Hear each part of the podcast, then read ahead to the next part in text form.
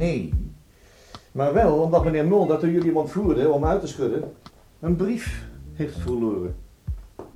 En die brief hebben we tussen de zitting van jouw wagen teruggevonden. Dat is wel toevallig, hè? Dat bestaat niet. Ik heb een auto grondig uitgekampt. Waarom? Ik kan mijn auto nooit uit. Hoogstens een beetje stofzuigen. Past. Maar daar kwam ik eigenlijk helemaal niet over praten. Het is alleen eh, handig dat we dit weten. En dan kom ik zo langzamerhand aan mijn tweede nieuwtje toe. En misschien dat dat je bek openbreekt.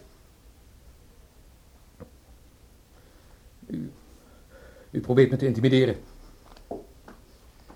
Ik kwam je eigenlijk vertellen dat die Chris Bergman, dat jonge handlangertje van jou, zich niet meer in het levenslicht verheugt.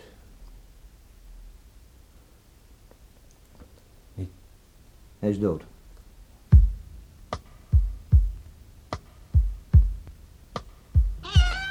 Was de kat getuige?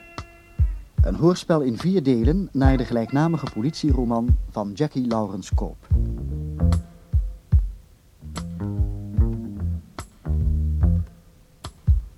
Vierde en laatste deel. Dossier Treesje Lammerman.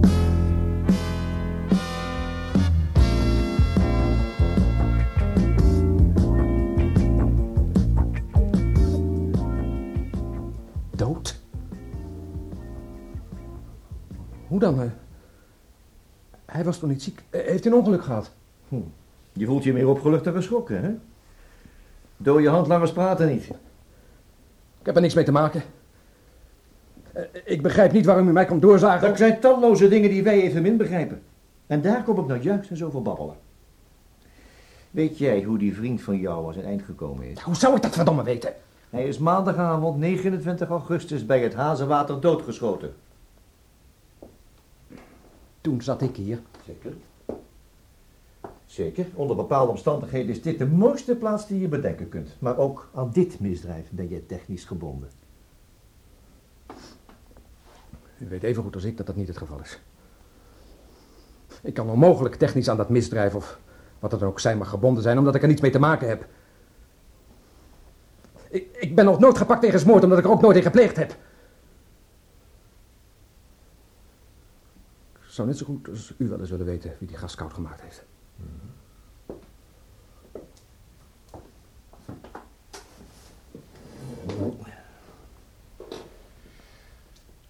Er gaat nu dus gepraat worden.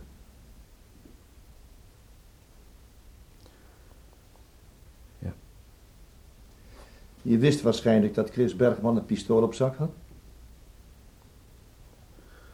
Ja. Een duur ding. Wie het breed heeft, laat het breed hangen. Zo was dat de laatste tijd met hem. Wat versta je onder de laatste tijd? Een week of drie, vier. Jullie samenwerking zal hem voldoende hebben opgeleverd om zich het een en ander aan te schaffen. Toen ik hem een maand of wat geleden leerde kennen, was hij zo kaal als een kerkrad. Daar had hij goed de pest over in. Vandaar dat het je niet al te veel moeite gekost zal hebben om hem voor bepaalde klussen te strikken. Ik weet mijn mensen te taxeren. Maar de eerste tijd dat ik hem kende, zijn we helemaal niet op pad geweest. Die overval op die dikke vent in het bungalowpark was de eerste keer. Maak dat dat ik altijd wijs. Vertel dan maar liever wat je op je leven hebt in verband met die knaap. Nou? Laat me nou verdorie even denken. Kijk eens, die, die gast zwom ineens in het geld. Kocht een dure motor, een blaffer. Hartstikke dure camera. Een stuk of wat blinkers als belegging, zo gezegd. En die poen heeft hij van mij niet gekregen. Dus heeft hij een andere bron gehad. En nou zit hij te denken, ja... Het, het zal toch wel begin augustus zijn geweest zijn. Ja, toen hij ineens zo goed in zijn slappe was kwam. Natuurlijk heb ik daar meteen al mijn gedachten over laten gaan. En je conclusie? Ik heb het idee dat hij iemand chanteerde. Die gedachte is bij ons ook opgekomen. Heeft hij nooit iets losgelaten? Nou, vergeet dat maar. En eerlijk gezegd was ik niet eens zo bar nieuwsgierig. Chantage is een zenuwbaan, niks voor mij. Ik moet de zaak in één land rond hebben. Ja, maar achteraf bekeken... heb ik misschien toch wel enig houvast. Maar eh, begrijp me goed, het is maar een vermoeden. Ik kan best wat fout zitten. Zeg het toch maar. Nou, op een avond hing hij bij me rond. Maar ik had mijn vriendin bij me, nou eigenlijk wel dat hij ophoepelde. Ik had die dag bij een boer een paar kazen gekocht. En ik vroeg hem of hij er een van naar mijn moeder zou willen brengen. Die woont op Noorden, voorbij Nieuwkoop. Nou, dat wilde hij best doen. Was hij met de motor? Ja, ja. En niet die nieuwe, die had hij toen nog niet. Dat uh, aftandse ding dat hij eerst had. Nou, mijn vriendin en ik hadden goede hoop dat we hem die avond niet terug zouden zien. Maar tegen twaalf, eh, misschien was het wel al half één, stond hij ineens weer voor onze neus. Hij zei dat hij zijn motor niet meer op gang had kunnen krijgen toen hij bij mijn moeder wegging. Iemand had hem een lift gegeven tot Nieuwkoop en de rest was hij komen lopen. En onderweg had hij nog een wolkbreuk op zijn test gehad. Hij was strontman. Enfin, we, geven hem koffie om op te knappen en droge kleren. En gelukkig kasten die op. En, en zo wat een week later heeft hij die nieuwe motor. En trakteert hij ons op een diner in het stadshotel. Koopt zo'n dure blaffer en een soort kleren zoals u en ik nog nooit bij elkaar hebben gezien. En jij wilt beweren dat je nergens naar gevraagd hebt? Dat heb ik toch al gezegd? Aan de ene kant barst ik van nieuwsgierigheid. Maar anderzijds was ik er niet happig op om iets te weten. Ik, ik ben namelijk tot de conclusie gekomen dat hij juist op die avond iets gezien of, of gehoord zou hebben dat hem verrekt veel heeft opgeleverd. Onder andere die kogel. Ja, dat is best mogelijk als ik het bij het goede eind heb. Weet je de datum nog? 31 juli. 31 juli. Is hij die avond inderdaad bij je moeder in Noorden geweest? Ja, ja. De oude vrouw belde me de volgende morgen op om me te bedanken voor de kaas. Aardige jongen, zei ze. Hij was tot tien en bij blijven praten. Dat kunt u zelf nagaan als u het vraagt. En je hebt hem later zelfs niet gevraagd welke weg hij teruggenomen heeft? Er zijn twee mogelijkheden. Exact. Ja, exact. Wat wil je dan ermee zeggen? Uh, liever helemaal niks. Ik heb je al verteld dat als mijn vermoedens juist waren, ik niets met die kwestie te maken wilde hebben. En als u begrijpt waar ik het over heb, dan weet u ook wel waarom. Vertel nou op. Wat zal je geen windeieren leggen als je open kaart met ons speelt? Nee. Ik, ik zeg u nog eens dat ik er wel glad naast kan zitten. Toen hij zo goed bij kas raakte, ben ik het stapeltje oude kranten in de keukenkast eens gaan napluizen. En daar heb ik inderdaad iets in gevonden. Op de avond van de 31 juli is er een kind verdwenen.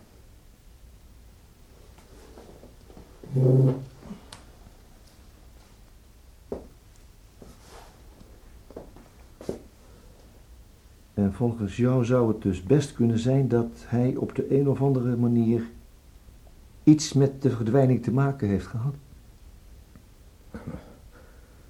Met haar verdwijning op zichzelf niet, denk ik. Dat zou hem geen barst hebben opgeleverd. Maar hij kan gezien hebben wat er gebeurd is. Kijk, ik denk dat het zo zit. Hm? Het is die avond niet meteen tot hem doorgedrongen dat hij iets bijzonders had gezien. Een, een, ontvoering of wat dan ook. Anders zou je dat bij ons wel heet van de naald zijn komen vertellen. Nee, ik, ik denk trouwens dat hij meteen naar de politie gelopen zou zijn. Je haalt geen geintjes uit als het om een kind gaat. En zo was Chris ook niet. Wat denk je dan?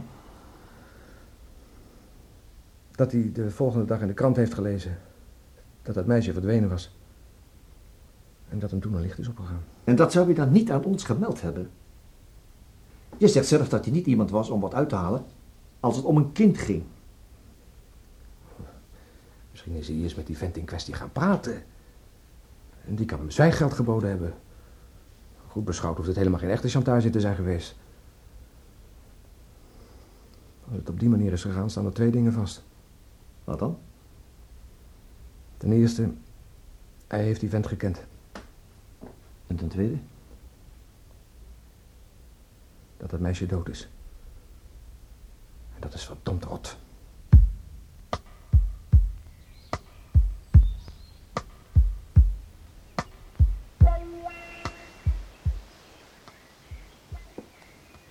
Goedemorgen, mevrouw Platen. Goedemorgen, meneer Jager. Op zo'n mooie ochtend als deze is het jammer in huis te gaan zitten als het niet dringend nodig is. Gelijk hebt u. Ik ben u zeer erkentelijk dat u mij direct wilde ontvangen toen ik u belde.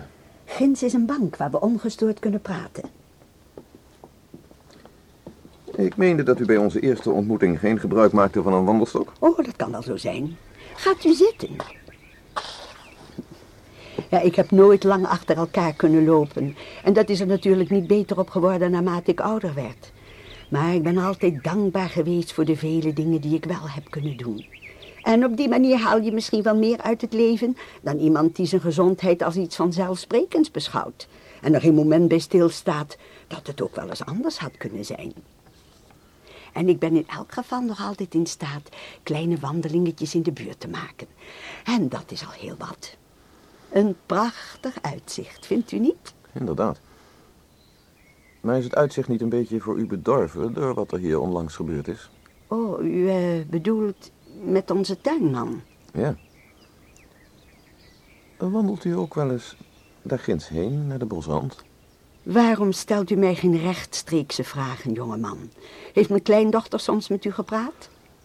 Waarom zou uw kleindochter bij mij geweest zijn? Nou, u had haar in uw eigen huis kunnen tegenkomen. Ze is bevriend met uw zoon. De jongelui zitten bij elkaar in de klas. Ach, natuurlijk. Nee, nee, uw kleindochter heeft niet met me gesproken. Maar de mensen van het laboratorium hebben daar ginds uw voetsporen gevonden. Hoe weet u zo zonder meer dat dat de mijne zijn? uw technici zijn net indianen, is het niet? Uit een spoor kunnen ze bij wijze van spreken aflezen wat iemand gedacht heeft. Nou, dat zou ik niet durven beweren. Wat me overigens verbaast is dat we de putjes van uw wandelstok niet gevonden hebben. Ik gebruik mijn stok niet altijd. Dat ligt eraan of ik vermoeid ben of pijnlijke benen heb. Nou, die avond zou ik het overigens wel zo prettig gevonden hebben als ik hem had meegenomen.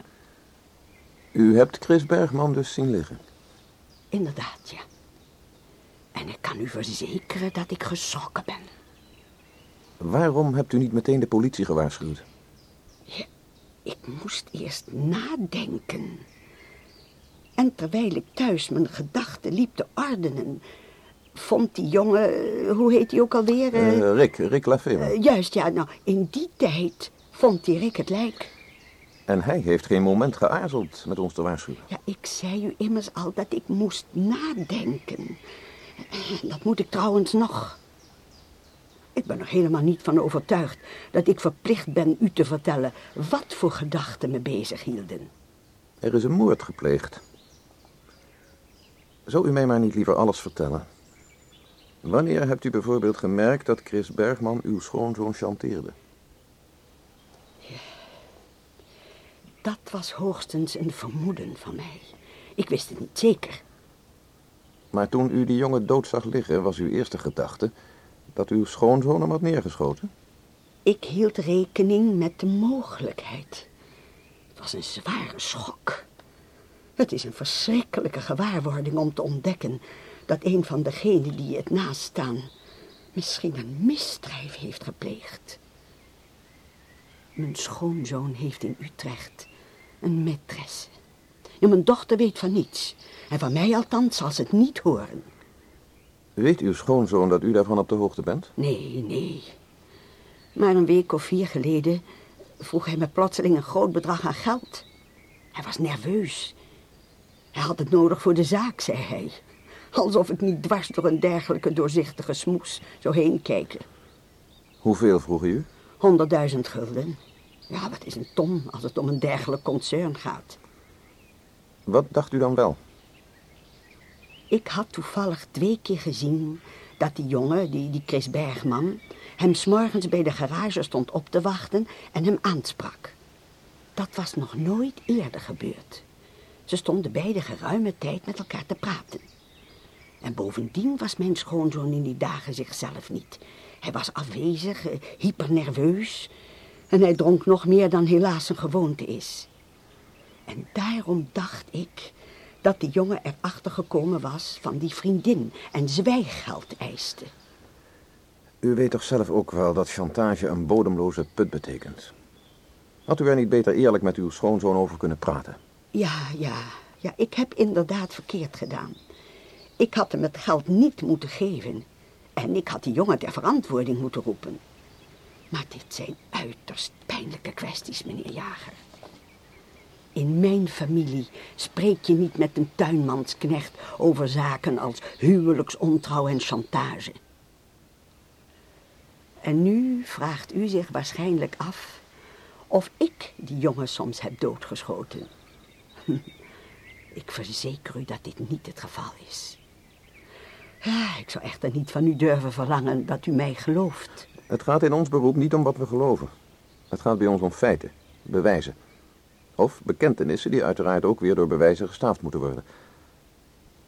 Denkt u dat uw schoonzoon hem vermoord heeft? Ik weet het niet, meneer Jager. Dit is de waarachtige waarheid.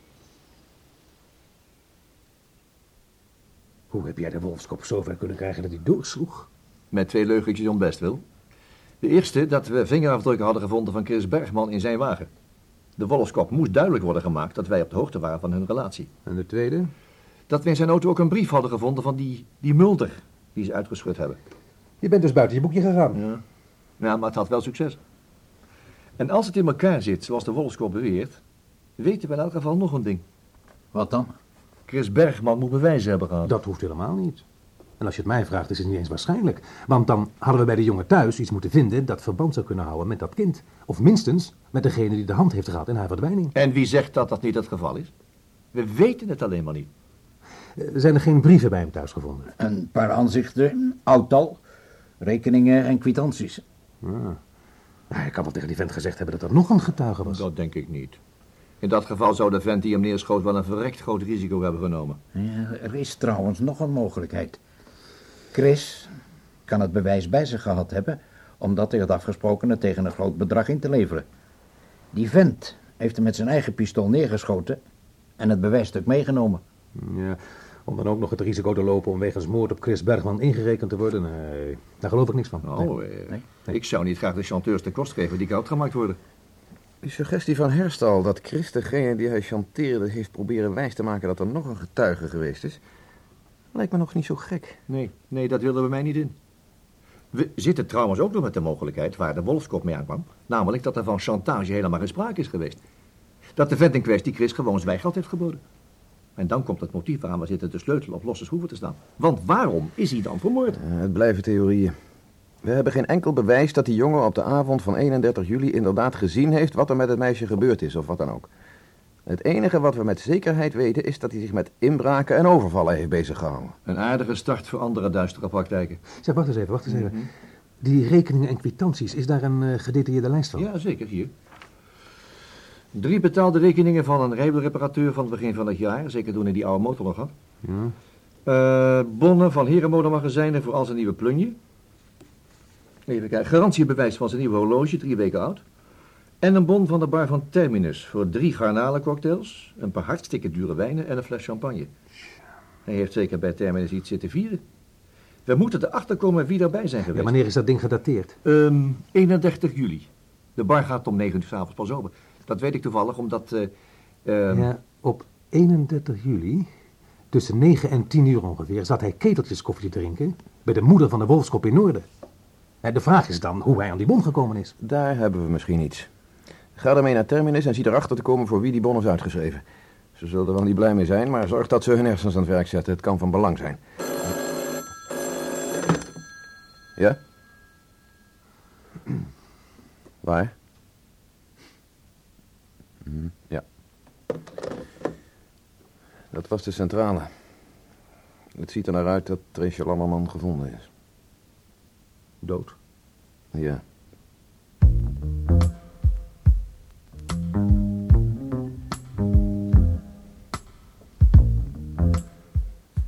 Ik begrijp dat het een schokkende ervaring voor u is geweest.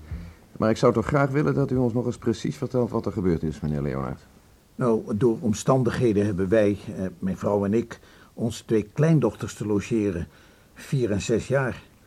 En omdat het zo mooi weer was, waren we van plan om naar het strand van Noordwijk te rijden. We waren nog niet ver weg en via de parklaan ging ik de Rijnweg op. En u kent daar natuurlijk wel dat chauffeursrestaurant. Ja? En 200 meter verder staan die geblakerde resten van die krotwoningen die in het voorjaar zijn afgebrand. En uitgerekend daar kwam Josientje, de jongste, tot de ontdekking dat ze zo nodig moest plassen. En eh, toen moest Petra natuurlijk ook. Ik ben een meter of tien voor die huizen gestopt en mijn vrouw ging met de meisjes mee. Toen Josientje al klaar was en mijn vrouw Petra hielp, zag ze haar kans schoon om eens even in die zwarte puinhoop te gaan rondscharrelen. Na een ogenblik riep ze, oma, kom eens kijken, wat ligt daar? Mijn vrouw riep dat ze terug moest komen, maar de kleine bleef aanhouden. Iets roods, oma, het lijkt wel een pantoffeltje.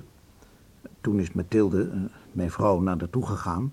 en daar onder een paar schuin omhoog liggende planken... zag zij dat rode pantoffeltje liggen.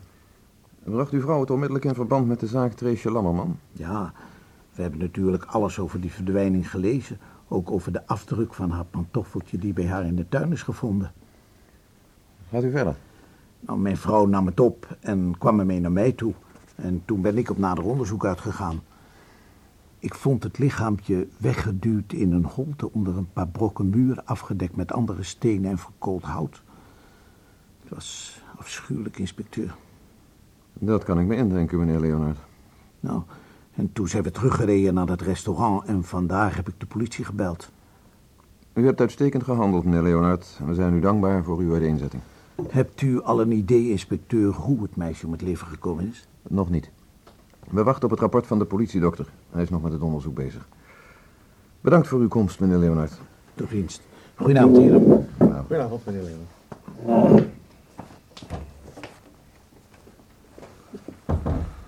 Ja, ja. Voorlopig kunnen we niets doen voor we meer weten van de dokter. En het laboratorium. Als het laatste tenminste nog iets te zeggen heeft. Vijf weken weer en wind is een lange tijd. Lang genoeg om eventuele sporen en aanwijzingen te niet te doen. Ja. Het is nu wel duidelijk dat we gefaald hebben bij het uitkammen van de omgeving. De puinhopen aan de Rijnweg zijn natuurlijk een ideale plaats om een lijk kwijt te raken. Het zit me behoorlijk dwars dat ik daar niet aan gedacht heb. Ach, komt dan toch. Vijf kilometer van het huis. Er zijn honderden andere plaatsen te vinden waar je even goed een lijk kunt verbergen. Maar waarom? Wie doet zoiets? Dat is de vraag die ik me steeds maar stel.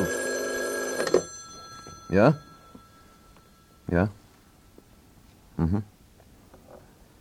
Juist. Bedankt, dokter. Van Beuzenkom. Ja? Volgens hem is de enige plausibele verklaring een verkeersongeval. Ze moet op slag dood zijn geweest. Ja, hoe afschuwelijk ook is dit misschien nog het minst beroerde van alles wat we hebben gevreesd. We kunnen nu wel aannemen dat onze reconstructie juist is geweest. Om een of andere reden is Treesje die avond uit haar bed gestapt, heeft haar pantoffeltjes aangetrokken en is naar buiten gegaan. En waarom? Omdat ze een kat hoorde miauwen en wilde pakken. Juist. Waarschijnlijk is die kat onze kroongetuige. Maar ja, een kat kun je niet verhoren. De ware toedracht zal altijd wel een raadsel blijven, maar dit is de enige verklaring. 31 juli. Denk jij hetzelfde als ik? Als je Chris Bergman bedoelt, ja. Op de avond van de 31 juli wordt Treesje door een verkeersongeval gedood. Laten we aannemen door een auto. En volgens de verklaring van de Wolfskop heeft Chris op die avond waarschijnlijk iets gezien wat hem in goede doen bracht. Het staat voor mij bijna vast dat hier van een samenhang sprake is. Ja, maar dat moet dan wel inhouden dat Chris de man of misschien de vrouw heeft herkend die het ongeval heeft veroorzaakt. En dat is precies ook de mening van de Wolfskop. Het is mogelijk, want de dader moet gestopt zijn om het lichaam van Treesje in zijn wagen te verbergen. In de kofferruimte bijvoorbeeld. Gelegenheid genoeg voor Chris om de zaken vanaf afstand te kunnen waarnemen. Al redenerend komen we tot dezelfde conclusie als de Wolfskop en die lijkt tamelijk logisch. Maar daarmee hebben we nog geen schijn van bewijs. Misschien toch wel. Die bon van Terminus.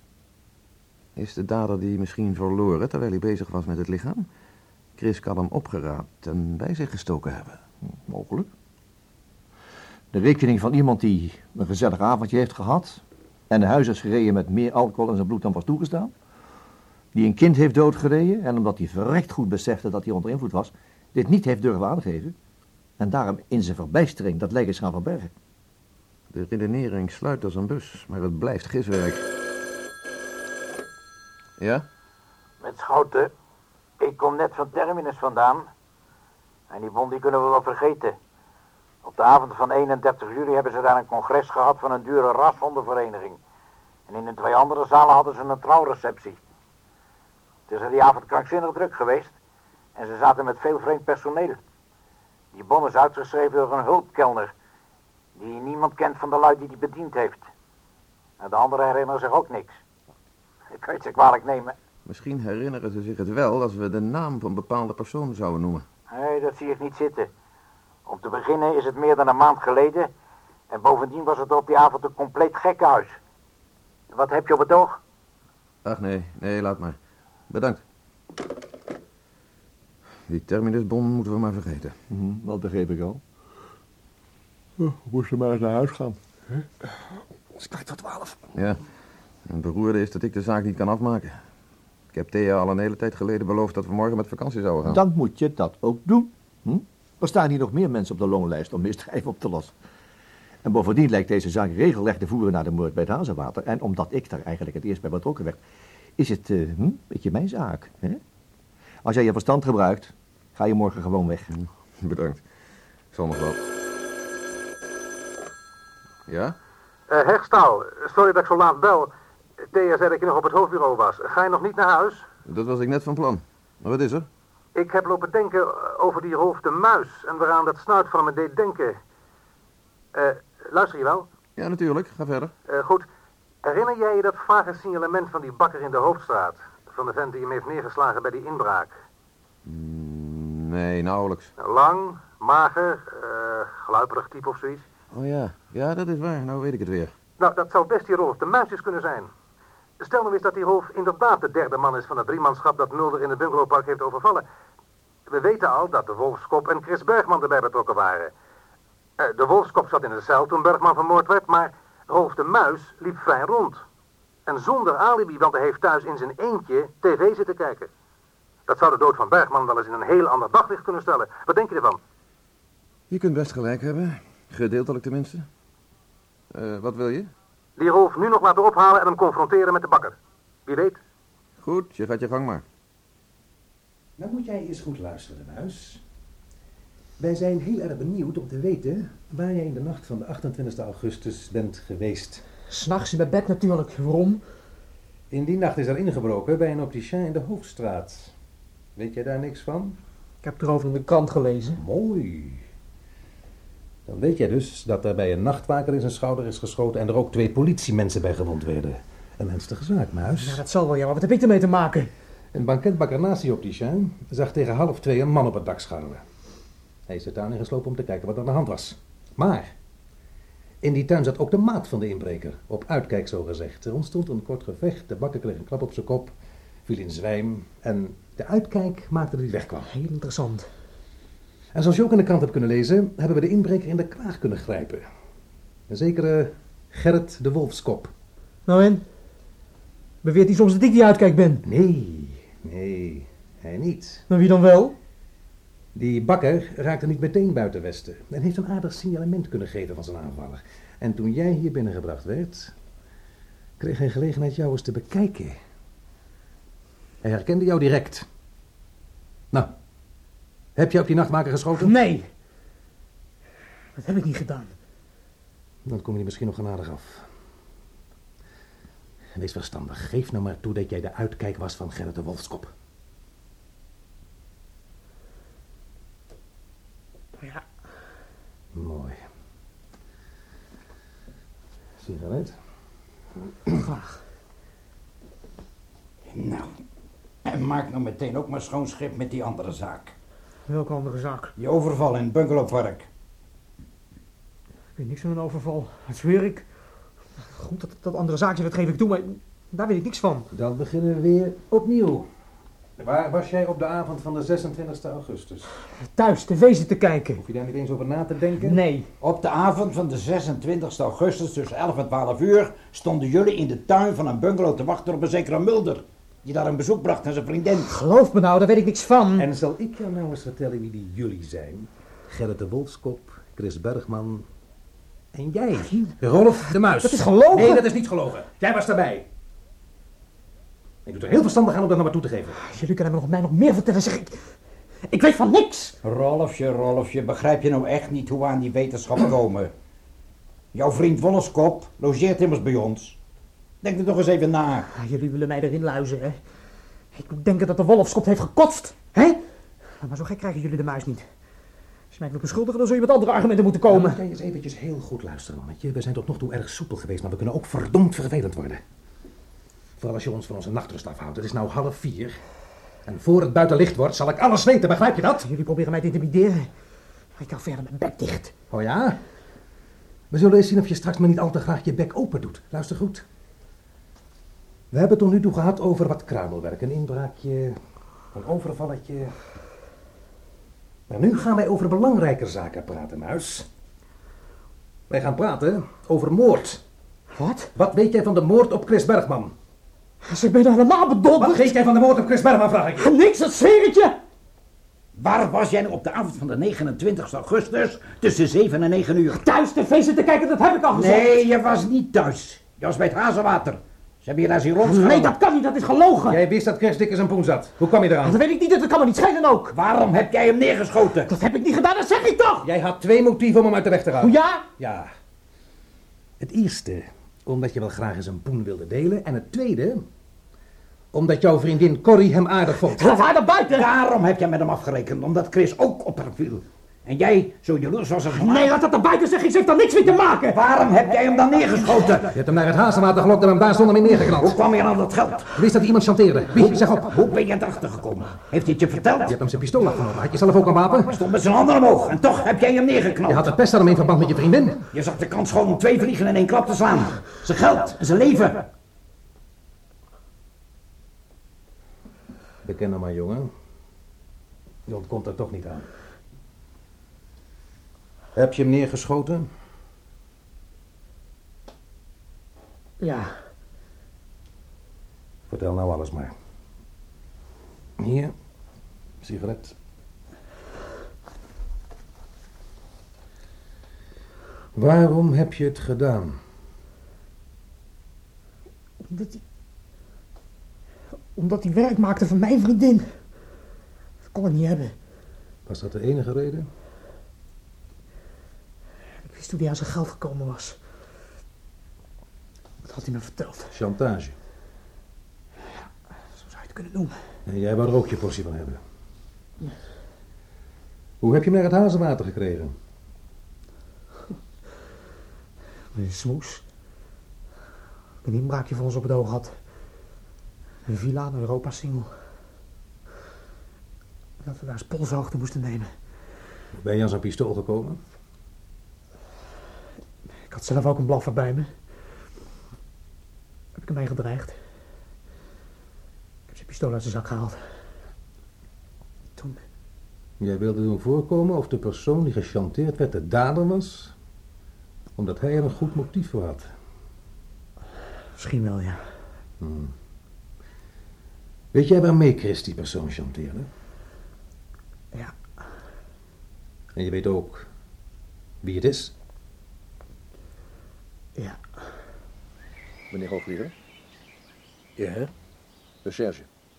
Inspecteur Herstal, inspecteur de Griep. Kunnen wij u even spreken, meneer Hoogvlieger? U treft het. Ik stond net op het punt weg te rijden. Waarover wilt u meespreken? We hebben een bevel tot huiszoeking. Oh. Juist. En eh, in verband waarmee? In zaken de dood en verdwijning van dat meisje Trisha Lammerman. Het is goed, inspecteur. Ik zal met u meegaan. Ik ben bereid een verklaring af te leggen. Wilt u ons precies vertellen wat er is gebeurd op de avond van de 31 juli? Ik, eh, ik, ik had die avond een bezoek gebracht aan een, een vriendin in Utrecht. En toen ik weer naar huis reed, Had u die avond gedronken? ja, nogal. Had u verder? Vlak voor Castellum, bij de huizen bij het Elzenbroekbos, zag ik plotseling in mijn koplampen een kat de weg overrennen, gevolgd door een klein meisje. Ik kon er niet meer ontwijken. Het was vreselijk. Wat moest ik doen? In uw geval was het het beste geweest de politie te waarschuwen. Ja, maar zoals ik al zei, ik had behoorlijk gedronken en ik was bang voor de consequenties. Was het kind toen al dood, dacht u? Dat moet wel. Zoals ik u zei, ik was bang en daarom heb ik het lichaampje in de kofferruimte gestopt. En bent u naar de afgebrande huizen gereden aan de Rijnweg en hebt het daar verborgen? Ja. Het weer werd in uw voordeel, want er was die avond een wolkbreuk die alle sporen volledig uitwiste. Maar toch is er een getuige geweest. Hoe zit dat? Even voor de plaats waar het ongeluk gebeurde, was ik een lifter gepasseerd. Hij heeft me weer zien wegrijden. En die lifter bleek Chris Bergman, uw tuinjongen. Ja. Enkele dagen later kwam hij naar me toe en zei...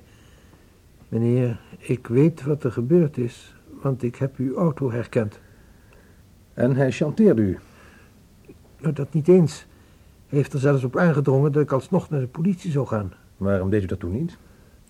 Ach, ik, eh, ik, ik dacht aan mijn vrouw, mijn schoonmoeder, mijn dochter. Enfin, natuurlijk heb ik verkeerd gedaan. Ik bood de jongen toen 50.000 gulden zwijggeld en voor dat bedrag is hij gezwicht. Maar met zijn dood heb ik niets te maken, inspecteur. Nee. Met zijn dood niet.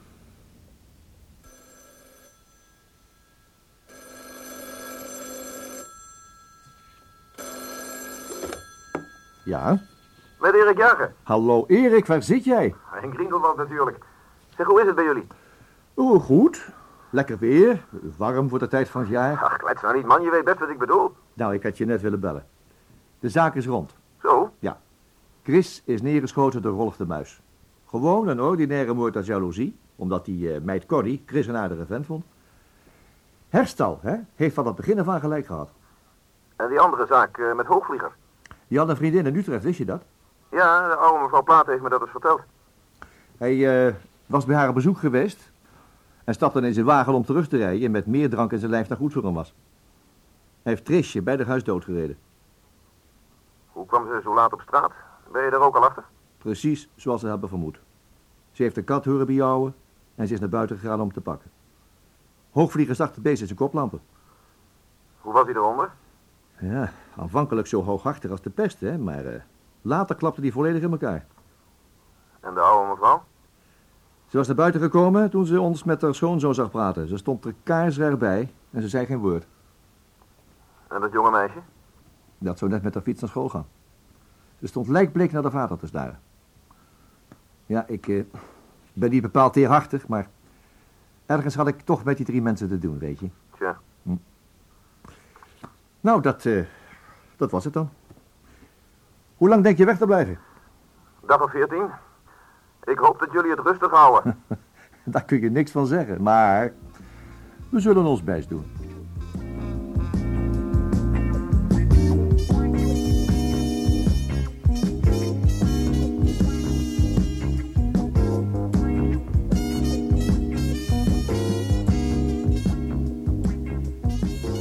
Dossier Treesje Lammerman was het vierde, tevens laatste deel van Was de kat getuige? Een hoorspel gebaseerd op de gelijknamige politieroman van Jackie Lawrence Koop. De rolverdeling. Hoofdinspecteur Erik Jager, Paul van der Lek. Inspecteur de Griep, Jan Borkes. Inspecteur Herstal, Hans Veerman. Rolf de Muis, Olaf Wijnands. Gerrit Wolfskop, Hans Karsenbarg. Alex Hoogvlieger, Frans Somers. Mevrouw Platen, Georgette Hagendoorn. Rechercheur Schouten, Bert van der Linden. En de heer Leonard, Johan Sierach. Bewerking en regie van deze vierdelige serie, Dick van Putten.